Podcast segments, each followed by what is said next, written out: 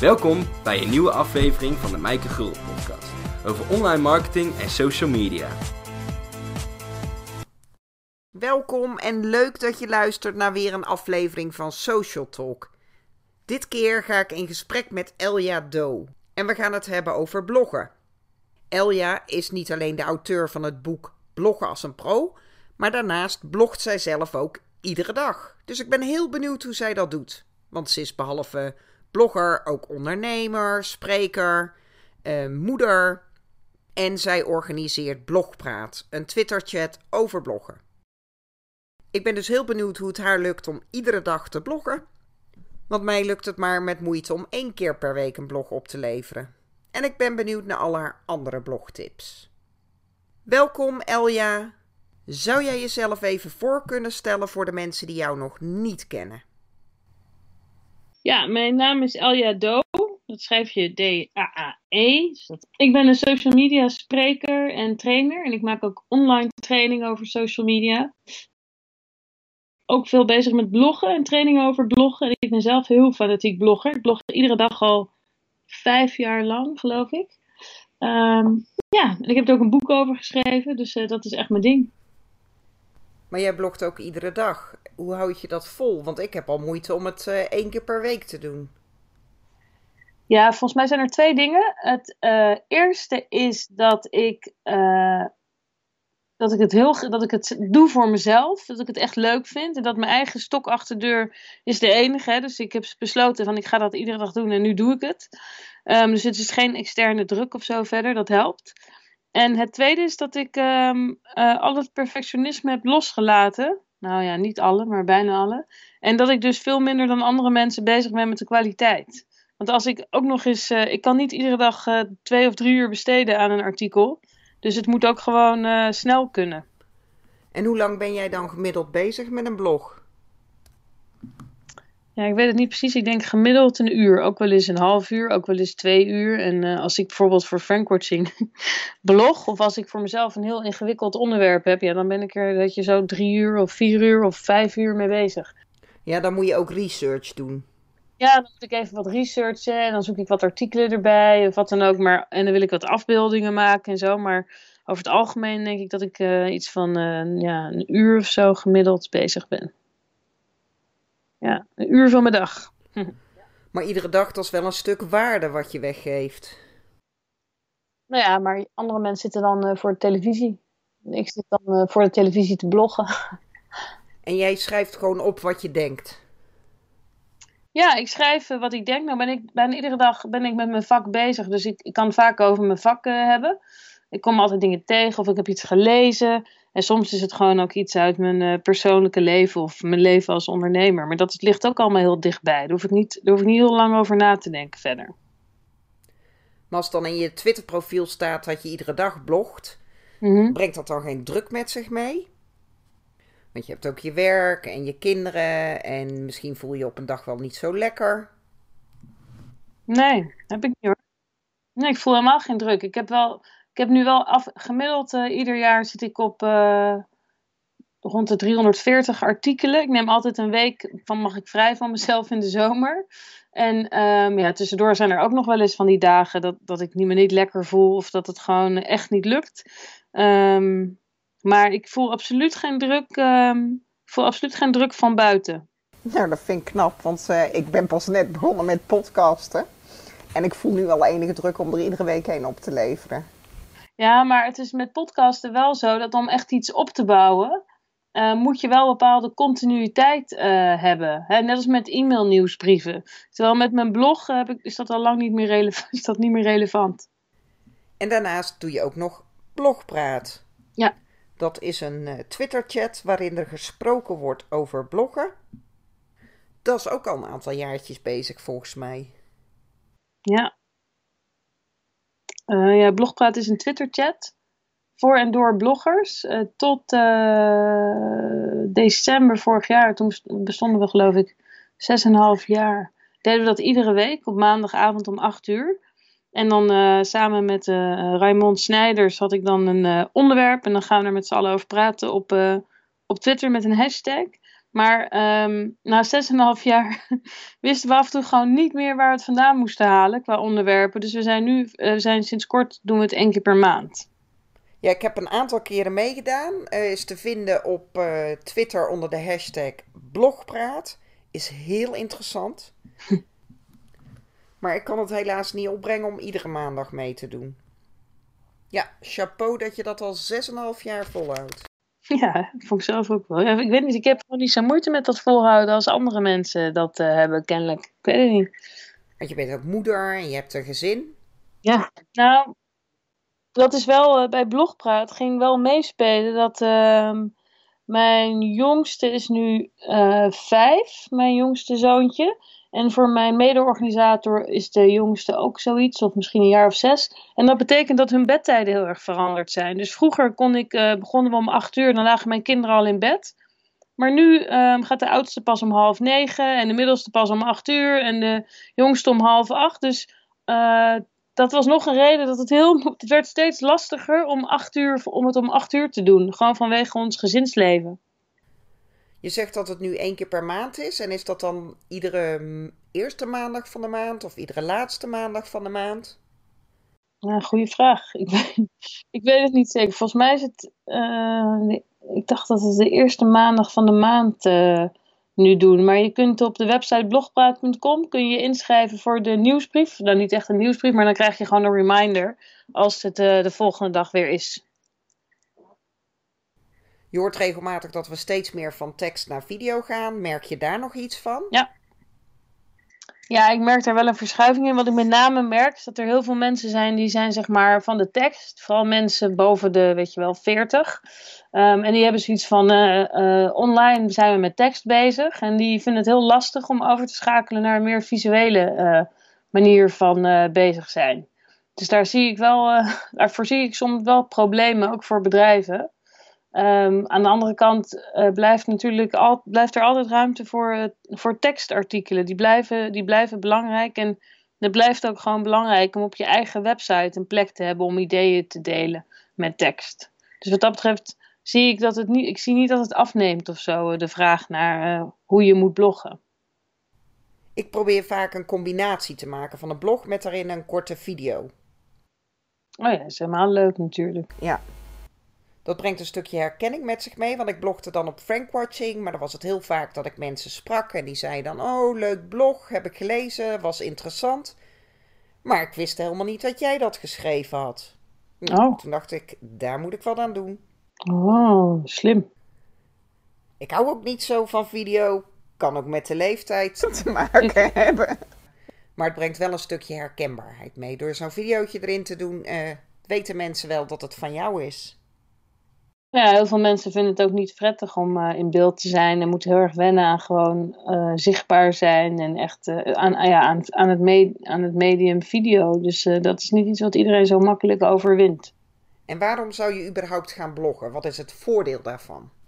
nou, als je het privé doet, doe je het natuurlijk gewoon voor lol. Hè, en om gelijkgestemden te ontmoeten en om creatief bezig te zijn. Als je het zakelijk doet, dan doe je het om um, uh, om de juiste doelgroep te bereiken en te overtuigen. Maar je doet het ook een heel stuk om je website gewoon wat meer body te geven. En uh, niet alleen voor Google, maar ook voor potentiële uh, klanten. Zodat je kan laten zien wat je expertise is? Nou, dat je dat kan laten zien, maar vooral dat je mensen kan helpen. Want dat overtuigt ze. Door als je je ideeën deelt en je tips dat is wat mensen overtuigt van jouw expertise. Het, gaat niet, het, is niet, het hoeft niet zozeer je moet het niet zien als een showcase van kijk eens hoeveel ik weet. Want als je dat doet, dan tref je vaak niet de goede toon. En hoe zorg je dan wel voor de goede toon? Ja, door antwoord te geven op de vragen die jouw doelgroep heeft. Of uh, ze te informeren of op de hoogte te houden van ontwikkelingen. Of uh, ja, je eigen ervaringen te delen op, het, op hetzelfde vlak van waar zij mee bezig zijn dat soort dingen, dat werkt toch het beste. Nou, het belangrijkste is dat je begint en dat je het gewoon probeert vol te houden.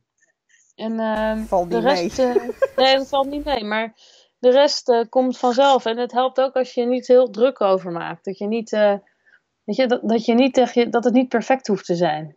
Dat helpt heel erg. Dat je Dat je iets mag schrijven en dat het niet, het hoeft niet het perfecte artikel voor op het mooiste blog van Nederland te zijn. Het is gewoon een artikel, het ziet er netjes uit, je hebt de spellingcontrole gedaan en uh, hopsakee, dat is het. Stel dat iemand nog nooit een blog geschreven heeft en die wil nu gaan bloggen. Wat is dan jouw advies? Hoe ga je dan te werk? Oeh, ja, als, als ik hen was, uh, zou ik gewoon een Word-documentje openen en uh, het eerste idee dat in me opkwam, gewoon op gaan schrijven. Zonder uh, kritisch te zijn op hoe goed het was. Gewoon gaan schrijven. En kijken of je er dan uiteindelijk een blogartikel van kunt maken. Want zo ga jij ook te werk dan? Je gaat gewoon schrijven, je schrijft alles wat in je opkomt, schrijf je op. En dan pas ga je het ordenen met een titel erboven en tussenkopjes. Uh, ja, ik, ik, schrijf altijd direct in WordPress. Um, en ik ga altijd inderdaad gewoon schrijven. Ondertussen natuurlijk wel te denken. En dan uh, ga ik het daarna altijd nog uh, één of tien keer nalezen. En dan de hele tijd nog aanpassen. Dan doe ik op de preview. En dan zit ik het te lezen. En denk ik, oh nee, nee dit is niet leuk. En dit, moet, dit is niet duidelijk. En dan ga ik het, dan ga ik het verder fine-tunen. Ja, zo doe ik dat zelf ook, ja. Ja, want je kan ook eerst denken, wat, wat wil ik precies in mijn blog hebben? Wat zijn de punten? Die schrijf je op als bullet points of dat zijn de tussenkopjes. En dan zou je het kunnen aanvullen. Ja, dat, dat is dus denk ik heel dat je persoonlijke voorkeur heeft. Maar ik schrijf natuurlijk heel spontaan. En ik, ik moet ook wel, uh, ik kan het niet iedere keer op die manier voorbereiden. En ik hou ook niet, ik hou ook van creativiteit. Weet? Ik hou niet van uh, vaste structuren daarin. Dus ik wil gewoon, ik heb een idee in mijn hoofd en dat wil ik gewoon, dat ga ik dan opschrijven. En dan uh, uh, in de vorm van een blogpost. Dus dan maak ik wel al tussenkopjes en zo. En dan, uh, als ik het, dan ga ik het, heel, dan ga ik het een aantal keer teruglezen. En dan denk ik, oh nee, weet je, dit is niet duidelijk. Of dit zou er nog bij moeten. Of er kan nog wel een linkje of wat dan ook. Ja, maar goed, ik heb natuurlijk wel heel veel schrijfervaring inmiddels. Dus dat helpt. Maar ik heb het wel altijd zo gedaan eigenlijk. Ik heb nooit, uh, ik heb nooit van die structuurtjes en zo uh, bedacht zoals jij beschrijft. Ja, dat kan natuurlijk ook een hele, en wat, ja, dat kan ook een hele goede manier zijn. En heel soms heb ik wel in mijn hoofd van ik wil vijf, uh, ik heb, wil vijf, ik heb vijf punten in mijn hoofd van vijf dingen die je moet doen of vijf tips. En dan schrijf ik die eerst even op en dan ga ik daarna ga ik er helemaal stukjes van maken. Maar over het algemeen doe ik dat gewoon terwijl ik aan het schrijven ben ja, je moet natuurlijk vind, de manier vinden die gewoon bij jou past. Ja, dat is best lastig. Als ik zelf in de flow, ik merk bij mezelf als ik in de flow zit, dan is het geen enkel probleem. Maar als ik het een tijdje heb laten liggen, is het best lastig om onderwerpen te verzinnen, om voldoende inspiratie te hebben. Van ja, waar gaan we het weer eens over hebben? Heb jij daar nog tips voor? Ja, nou, inspiratie is vaak het lastigste en de onderwerpen. Dus wat volgens mij goed werkt, is dat je um, even op een bepaald moment de tijd neemt, weet je, één of twee uur, om alvast na te denken over alles wat je wil, um, waar je over zou willen bloggen. Om, onderwerpen te verzinnen, om vragen uh, in kaart te brengen waar je antwoord op zou kunnen geven. Om bijvoorbeeld ook te kijken naar wat mensen op Google aan het zoeken zijn. En om dan eventueel zelfs al de soort de eerste concepttitels van een aantal artikelen op te schrijven. Want dan hoef je volgende keer alleen maar je lijstje te pakken en dan kun je het gewoon in gaan vullen. Dus het, als je jezelf onder druk zet van ik moet vandaag bloggen, want het is vandaag vrijdag en ik moet iedere vrijdag publiceren. Ja, dat is vaak heel lastig. Terwijl als je van tevoren hebt nagedacht over wat je de komende maanden wil gaan doen, dan is het vaak een stuk makkelijker. Dan hoef je niet opeens op een idee te komen. Dus je maakt dan gewoon een lijstje van onderwerpen en die zet je dan in Excel of Eventbrite of gewoon in een Word-documentje. Ja. En heb je daar nog een strategie voor over welke onderwerpen je zou bloggen? Ja, ja. Nou, nou ja, kijk, ik uh, blog uh, veel over marketing en over ondernemen. Dat doe ik niet echt vanuit strategisch oogpunt, maar het, heeft natuurlijk, het is natuurlijk logisch om te bloggen over de onderwerpen waarnaar je doelgroep op zoek is. Dus als je advies geeft over uh, Twitter, dan is het handig om heel veel over Twitter uh, te bloggen en, en, tips te geven en interessante accounts te delen of wat je dan ook maar wil doen. Uh, of tools die je kunt gebruiken voor Twitter, weet je wel, dat soort dingen. Je gaat natuurlijk zoeken naar de informatie die voor jouw doelgroep relevant is en het liefst ook informatie die ze aan het zoeken zijn. Moet je nog ergens rekening mee houden met de opbouw van je blog? Dat er een begin, een middenstuk en een staart is, bijvoorbeeld. Nou ja, ehm, er zijn heel veel mensen die het niet met me eens zullen zijn. Maar eh, ik vind dat je niet echt rekening hoeft te houden met die. Je moet, je moet doen waar je goed bij voelt. En juist dat je het net iets anders doet, dat eh, is alleen maar positief. Want er is al zoveel van hetzelfde. Dus uh, het, is, het is voor je lezers natuurlijk wel fijn als het echt goed leesbaar is en begrijpelijk is opgebouwd. En dat ze je verhaal kunnen volgen. Dat is wel belangrijk. Maar ja, weet je, je hebt ook blogs waar ze uh, met uh, gedichten werken of alleen met uh, beelden werken, met foto's. Of weet je, er, is eigenlijk geen, zijn er weinig grenzen aan creativiteit. En je hoeft zeker niet het gebaande pad te volgen, vind ik. En heb jij een paar voorbeelden van ondernemingen of ZZP'ers die heel goed bezig zijn met bloggen? Ja, wie ik altijd, mijn, mijn favoriete blog in de wereld zo'n beetje is Kitty Kilian met de Blog Academie. Zij is, uh, zij is gewoon een hele goede blogger. Zij is een journalist en uh, zij schrijft fantastisch. En ze geeft ook cursussen in schrij blog schrijven, zeg maar. Um, ja, haar vind ik, vind ik echt super. En um, wie ik uh, ook een heel fijne, leuke, uh, aparte blogger vind, is Ruben Bunskoeken. Uh, volgens mij heet dat, uh, is zijn website 000.nl. Dat is een, uh, hij adviseert over zoekmachine-optimalisatie. En zijn artikelen gaan daar ook over. Het zijn hele goede artikelen, maar ze zijn echt heel anders dan anders geschreven. Dus dat is best leuk om, dat, ja, het is leuk om te volgen. Ook als je het onderwerp niet begrijpt, zeg maar. Ik ga die links sowieso delen in de aantekeningen die te vinden zijn op de marketingfactory.nl. Ja, maar ik je nu zeggen dat je nergens rekening mee hoeft te houden, dat je gewoon lekker creatief moet zijn. Hoef je dan helemaal nergens rekening mee te houden als je gaat bloggen? Je hoort heel vaak denk goed na over je titel, want dat beslist of mensen überhaupt je blog gaan lezen, maar dat is ook belangrijk voor je SEO, dus dat je goed vindbaar bent in Google bijvoorbeeld. Ja, er zijn natuurlijk heel veel dingen waar je rekening mee zou kunnen houden. Um, maar bij, als mensen gaan beginnen met bloggen, is het toch vooral belangrijk dat ze, uh, dat ze er lol in hebben. En dat ze zich niet helemaal gek laten maken door alles waar je rekening mee moet houden. En uh, titels, als het gaat om vindbaarheid, zijn titels heel belangrijk. Ook voor social media trouwens. Want titels is wat mensen zien en uh, dat nodigt ze uit tot klikken of niet. Um, zoekwoorden gebruiken, tussenkopjes, opmaak. Er zijn natuurlijk heel veel dingen waar je rekening mee zou kunnen houden. Maar het is vaak al een hele stap om überhaupt gewoon te gaan bloggen en het wekelijks vol te houden. En eerlijk is eerlijk, je hebt niet binnen een maand uh, gigantisch succes met zo'n blog. Je, je, je hebt best wel even de tijd om te oefenen. Um, en vervolgens kun je steeds beter worden, steeds op een beetje geoptimaliseerder bloggen. Maar het hoeft niet allemaal meteen perfect. Het is belangrijker dat je er lol in hebt en dat je inspiratie hebt en dat je het gewoon doet, vind ik, dan dat je meteen bezig bent met de regels. En met dat oefenen bedoel je dan wel dat je het gewoon online moet zetten? Of ga je dan stukken schrijven en laat je die aan mensen lezen om te kijken wat ze ervan vinden? Nee, ik vind dat je het gewoon online moet zetten. Je kunt het wel even aan iemand laten lezen, maar het is pas als het online staat dat het echt gaat leven. En dat het ook in Google vindbaar wordt. En dat je misschien het met je Facebook vrienden kunt delen om te kijken hoe zij reageren. Weet je, het, gaat pas, het wordt pas echt als je het publiceert. Dat is heel spannend, maar wel leuk als je reacties krijgt. Ja, precies. Het is alleen mijn ervaring dat je tegenwoordig steeds minder reacties krijgt. Ja, die ervaring heb ik ook. En, en het is ook zo in het algemeen dat de reacties veel meer op social media kanalen plaatsvinden. Maar ik ken, ik ken bloggers en met name uh, meiden, jonge meiden, die echt waanzinnige aantallen reacties krijgen. Dus um, als mensen zeggen van nou niemand reageert meer, dan denk ik altijd nou bij hen wel. Dus het heeft ook met je doelgroep kennelijk te maken. En, en mensen zijn nu helemaal niet verplicht om een reactie uh, te geven. Het is al een hele eer dat ze je hebben willen lezen en dat ze daar tijd voor hebben, uh, tijd, hebben gespandeerd, vind ik dan. Dat klopt, maar als die jonge meiden iets op Instagram plaatsen, dan krijgen ze ook heel veel likes en reacties. Ja. En als ik dan iets plaats, dan ben ik blij.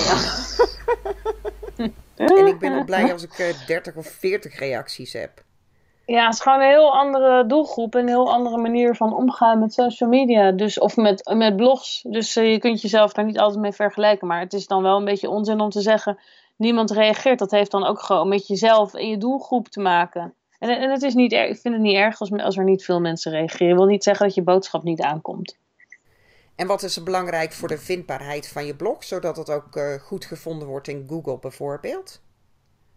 Nou wat ik zelf heel belangrijk vind, maar wat ook heel erg helpt in je vindbaarheid in Google, is dat je tussenkopjes gebruikt. En dat je ze ook echt markeert als tussenkopje. Dus dat betekent dat je in je blogsoftware dan het aanmerkt als een titel 1 of 2, of dan liever niet 1, maar titel 2 of 3, H2 of H3.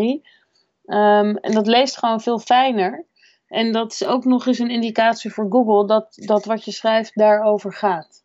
Dus het, is, het maakt het. En korte linea's, witregels, dat is gewoon meer van nu dan uh, dat je eindeloze lappen tekst uh, schrijft. Dat leest vaak ook heel vervelend op mobiele telefoons. En um, het grootste deel van het verkeer komt tegenwoordig van mobiele telefoons. Ja, want mensen scannen veel liever. Ja, mensen scannen liever en ze willen ook gewoon. Je wil, je wil niet je hele scherm vol hebben met tekst of zo. Dat, dat leest niet fijn. En ben je ook bewust bezig met de Google zoekresultaten? Nee. Nou, ik ben er in die zin bewust mee bezig dat, um, dat ik wel goed naar mijn analytics kijk. En dat ik af en toe ook even analyseer van wat zijn de best scorende zoekwoorden. Waar is mijn, ik heb bijvoorbeeld het afgelopen jaar uh, anderhalf keer zoveel bezoek uh, op mijn website gehad als het jaar daarvoor. Dus ik ben wel even aan het kijken van hoe komt dat nou? Weet je, wat, wat, waarom, is dat, waarom is dat gebeurd en wat is dan mijn positie in Google? Maar het is niet zo dat ik daar iedere keer als ik schrijf mee bezig ben. Helemaal niet. En jij neemt daar ook uh, regelmatig de tijd voor? Ja. Dus jij kijkt uh, periodiek naar die statistieken of deed je dit alleen omdat het nu heel opvallend was dat er iets afwijkends was? Dat er iets significants anders was? Nee, nee, nee. Periodiek neem ik daar de tijd voor. En dan ga ik even, ook, ga ik even kijken. En dan ga ik even naar mijn uh, belangrijkste pagina's. En dan ga ik die even updaten. En uh, ja, dat soort dingen. Ik ben er wel natuurlijk, het is ook mijn vak, hè. Dus ik ben er wel serieus mee bezig. Maar niet iedere dag of iedere week. En ga je oude blogs ook wel eens updaten? Ja, soms wel. Als ik zie dat ze heel goed scoren. En soms is bij mij, ik, ik, net als jij, schrijf ik over social media. Ja, social media verandert heel snel. Ja, weet je, mijn belangrijkste artikelen gaan allemaal over Facebook. En dat, dat zijn, die zijn van zes jaar geleden. Dus dat, dat klopt gewoon helemaal niet meer. Dus dan probeer ik ze wel af en toe te updaten. En dan zet ik even erbij um, wanneer ik ze geüpdate heb. Zodat mensen niet schrikken van de datum. Um, ja, dat probeer ik wel te doen. Maar ik ben er niet echt, dat doe ik, dat doe ik één keer per jaar of zo. Doe ik dat eens een keertje. Maar jij kijkt dus in Google Analytics wat je best bezochte blogs zijn en die ga je dan updaten. Ja, dat heb ik echt uitgebreid beschreven ook op mijn blog. Dus als je op mijn blog uh, uh, zoekt op Google Analytics, dan krijg je ook artikelen waarin ik precies beschrijf uh, hoe je kunt zien wat je best scorende zoekwoorden en pagina's zijn en hoe je die kunt optimaliseren. Ja, zelf heb ik een WordPress website en ik gebruik de Yoast plugin. En daarin kan je precies zetten wat jouw zoekwoord is. En dat gebruik ik wel als leidraad. Dan krijg je allerlei suggesties. Mm En als er dan bijvoorbeeld uh, vul ik in dat mijn zoekwoord Facebook adverteren is. En als die dan aangeeft dat het zoekwoord niet vaak genoeg voorkomt, dan ga ik er wel eventjes doorheen. En als ik dan bijvoorbeeld een zin zie staan waarin ik heb gezet adverteren op Facebook, dan ga ik die zin omgooien. Dus ik ga die dan veranderen zodat het zoekwoord vaker voorkomt. Omgooien, ja. Maar de suggesties die ik krijg, die zijn voor mij wel een leidraad, maar ze zijn niet leidend. Nee, bij mij ook niet. Daar heb ik, daar heb ik geen zin in. Dat, vind ik ook, dat, dat werkt ook niet volgens mij. Ja, en wat ik ook uh, doe als je op Google Analytics, uh, als je dat hebt geïnstalleerd, dan kun je ook Google Webmaster Tools instellen. En dan krijg je ineens inzicht in alle uh, zoekwoorden waar je voor rankt in Google. Dus waarop je gevonden kunt worden, welke positie je hebt. En dat is wel heel interessant, want daar, als je daar naar kijkt, kun je wel voor een aantal pagina's kun je um, echt, echt gaan optimaliseren als je al veel artikelen hebt staan op je website.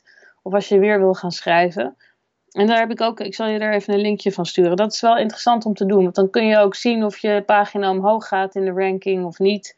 Weet je, dat is ook gewoon, het is bijna dom om het niet te doen, zeg maar. Het is even werk, maar goed. En dan vooral op onderwerpen waarop je gevonden wil worden, dus die ja. iets te maken hebben met jouw expertise. Ja, precies. Ja. Dan hadden we het net al over social media, want ik zeg al, bloggen en social media zijn een uh, goede combinatie. Want als jij gaat bloggen, vinden mensen jouw blog niet zomaar. Ja. Dus dat moet je zelf gaan promoten. Dat kan bijvoorbeeld op social media. Hoe pak jij dat aan? Hoe kun je je blog onder de aandacht brengen? Ja, het is, het, is, ehm, het is inderdaad niet zo dat als je op publiceer hebt geklikt, dat je dan vervolgens uh, het publiek kan zien uh, binnenstromen. Um, je moet echt hard werken om je artikelen onder de aandacht te brengen. En het hangt er helemaal vanaf natuurlijk waar je doelgroep zit. Uh, voor, voor veel groepen, en bijvoorbeeld als je doelgroep bestaat uit ZZP'ers, is Twitter super. Um, een e-mail nieuwsbrief is natuurlijk ook nog steeds een hele goede manier om je artikelen onder de aandacht te brengen bij een hele gerichte doelgroep. Er zijn mensen die Facebook ervoor gebruiken of LinkedIn.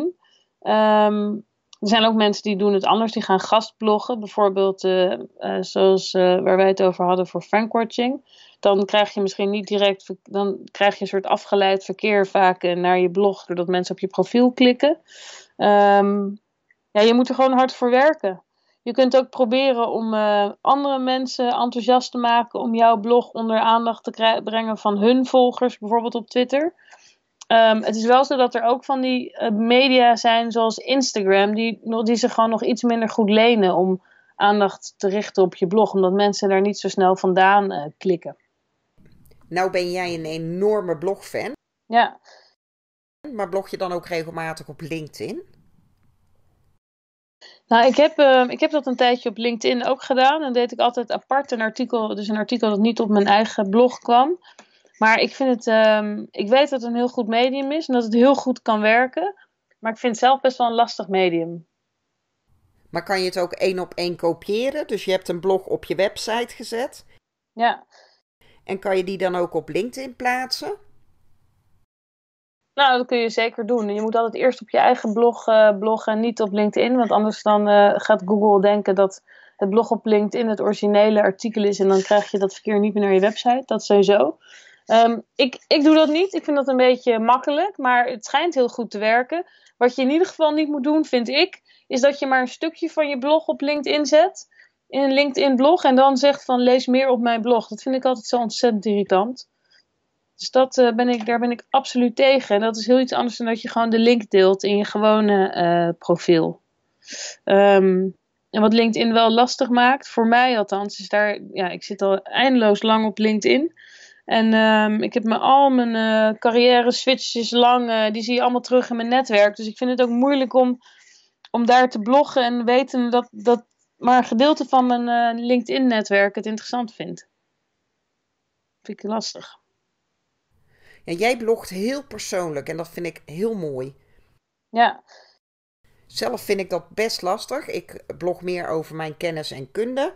Stel dat ik het nou wat persoonlijker zou willen maken. Hoe, hoe kan ik dat doen? Hoe zou ik mijn blogs ook iets persoonlijker kunnen maken? Ja, ik heb even niet voor ogen in hoeverre het nu niet persoonlijk is bij jou. Maar uh, wat, je zou, wat, je kunt, je moet, wat je kunt doen is ten eerste is, uh, schrijven alsof je tegen de buurman praat of tegen je moeder dus dat je bij wijze van spreken doet alsof jij een e-mail typt over het onderwerp. Dan ga je automatisch al veel persoonlijker schrijven. En makkelijker en informeler. Um, en wat ook heel goed helpt, is als je een anekdote gebruikt die met jezelf te maken heeft. Dus als je zegt, als je bijvoorbeeld begint met. Uh, vorige week stond ik bij de slager en toen gebeurde er dit en dat. En dat deed me denken aan zus en zo. Weet je wel? Of uh, ik las uh, laatst een boek over onderwerp X. En ik was het daar eigenlijk niet mee eens. Weet je, zo, zo trek je het al heel snel in de ik-vorm. En dan maak je het al heel snel uh, persoonlijker door gewoon door iets uit je ervaring of je mening uh, door het aan te koppelen. Want mensen moeten een klik met jou als persoon hebben. Dus dan moet je ook wat persoonlijke dingetjes vertellen. Ja, maar persoonlijke dingetjes. Ik bedoel, um, ik kreeg toevallig uh, had ik contact met iemand die ik van heel lang geleden kende. Die volgde mij al op mijn blog en die, en die mailde van ja, eigenlijk ja, weet ik natuurlijk alles wel over je, want het staat op je blog, maar dat is natuurlijk onzin. Je weet natuurlijk niet alles over mij, hoe open ik ook lijk. Er zijn natuurlijk heel veel dingen die niet op mijn blog komen. En uh, er is een enorm verschil tussen alle vuile was buiten hangen en je seksleven bespreken of je financiële situatie. Ja, dat gaan we dus echt niet doen. Nee, en, maar er is een, heel, hele wereld tussen dat en, um, en vertellen uh, wat je lekker vindt om te eten. Of je, over je hobby. Of uh, weet je, hoe je hobby kunt relateren aan wat je leert van je hobby. Wat je ook in je werk gebruikt. Of weet je wel, wat je opvalt bij je kinderen of zo. Dan moet je altijd een beetje voorzichtig zijn met je kinderen. Maar je kunt natuurlijk. Er, zijn, er is een hele wereld tussen het een en het ander. Ja, dat zijn een hele hoop tips, Elja. Dank je wel daarvoor, maar ik heb ook nog een paar persoonlijke vragen Oh. voor je. Wauw. Ja, now we're talking. Oeh. Wat is het beste advies wat jij ooit gekregen hebt? Ehm, ja, op een gegeven moment eh, was ik heel enthousiast over iets. En ik werkte in een partnership met eh, iemand. En eh, ik had het idee, zeg maar, voor een nieuwe ontwikkeling waar ik achteraan wilde. En die, die ander zag dat niet zo zitten.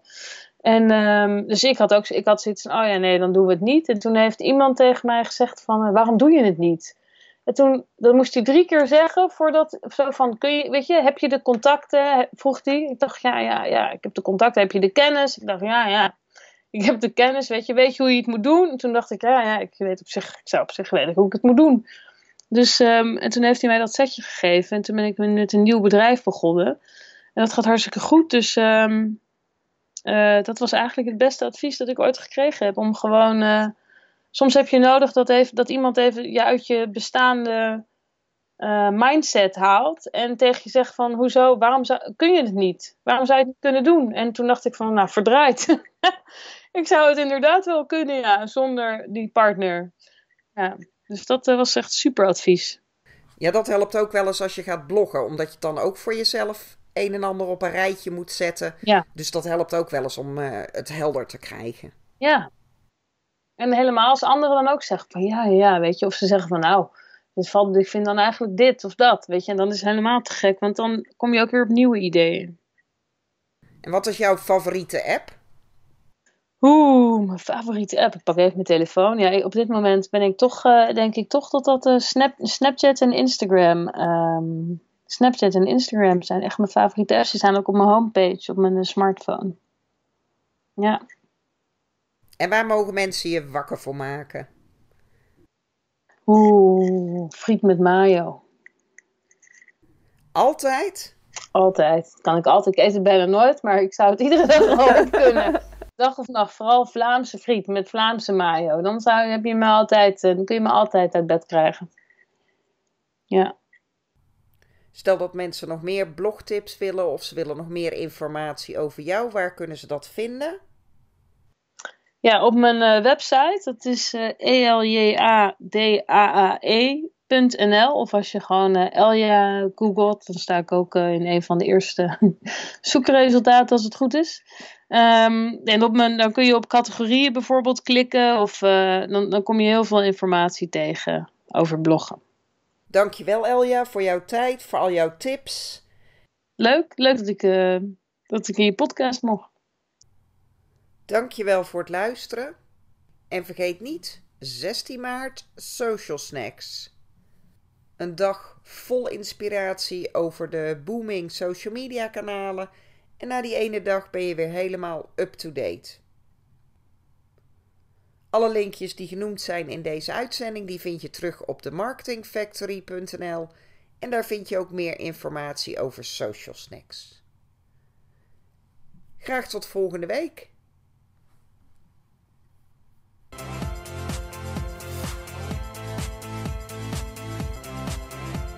Bedankt voor het luisteren naar de Mijke Gulden podcast.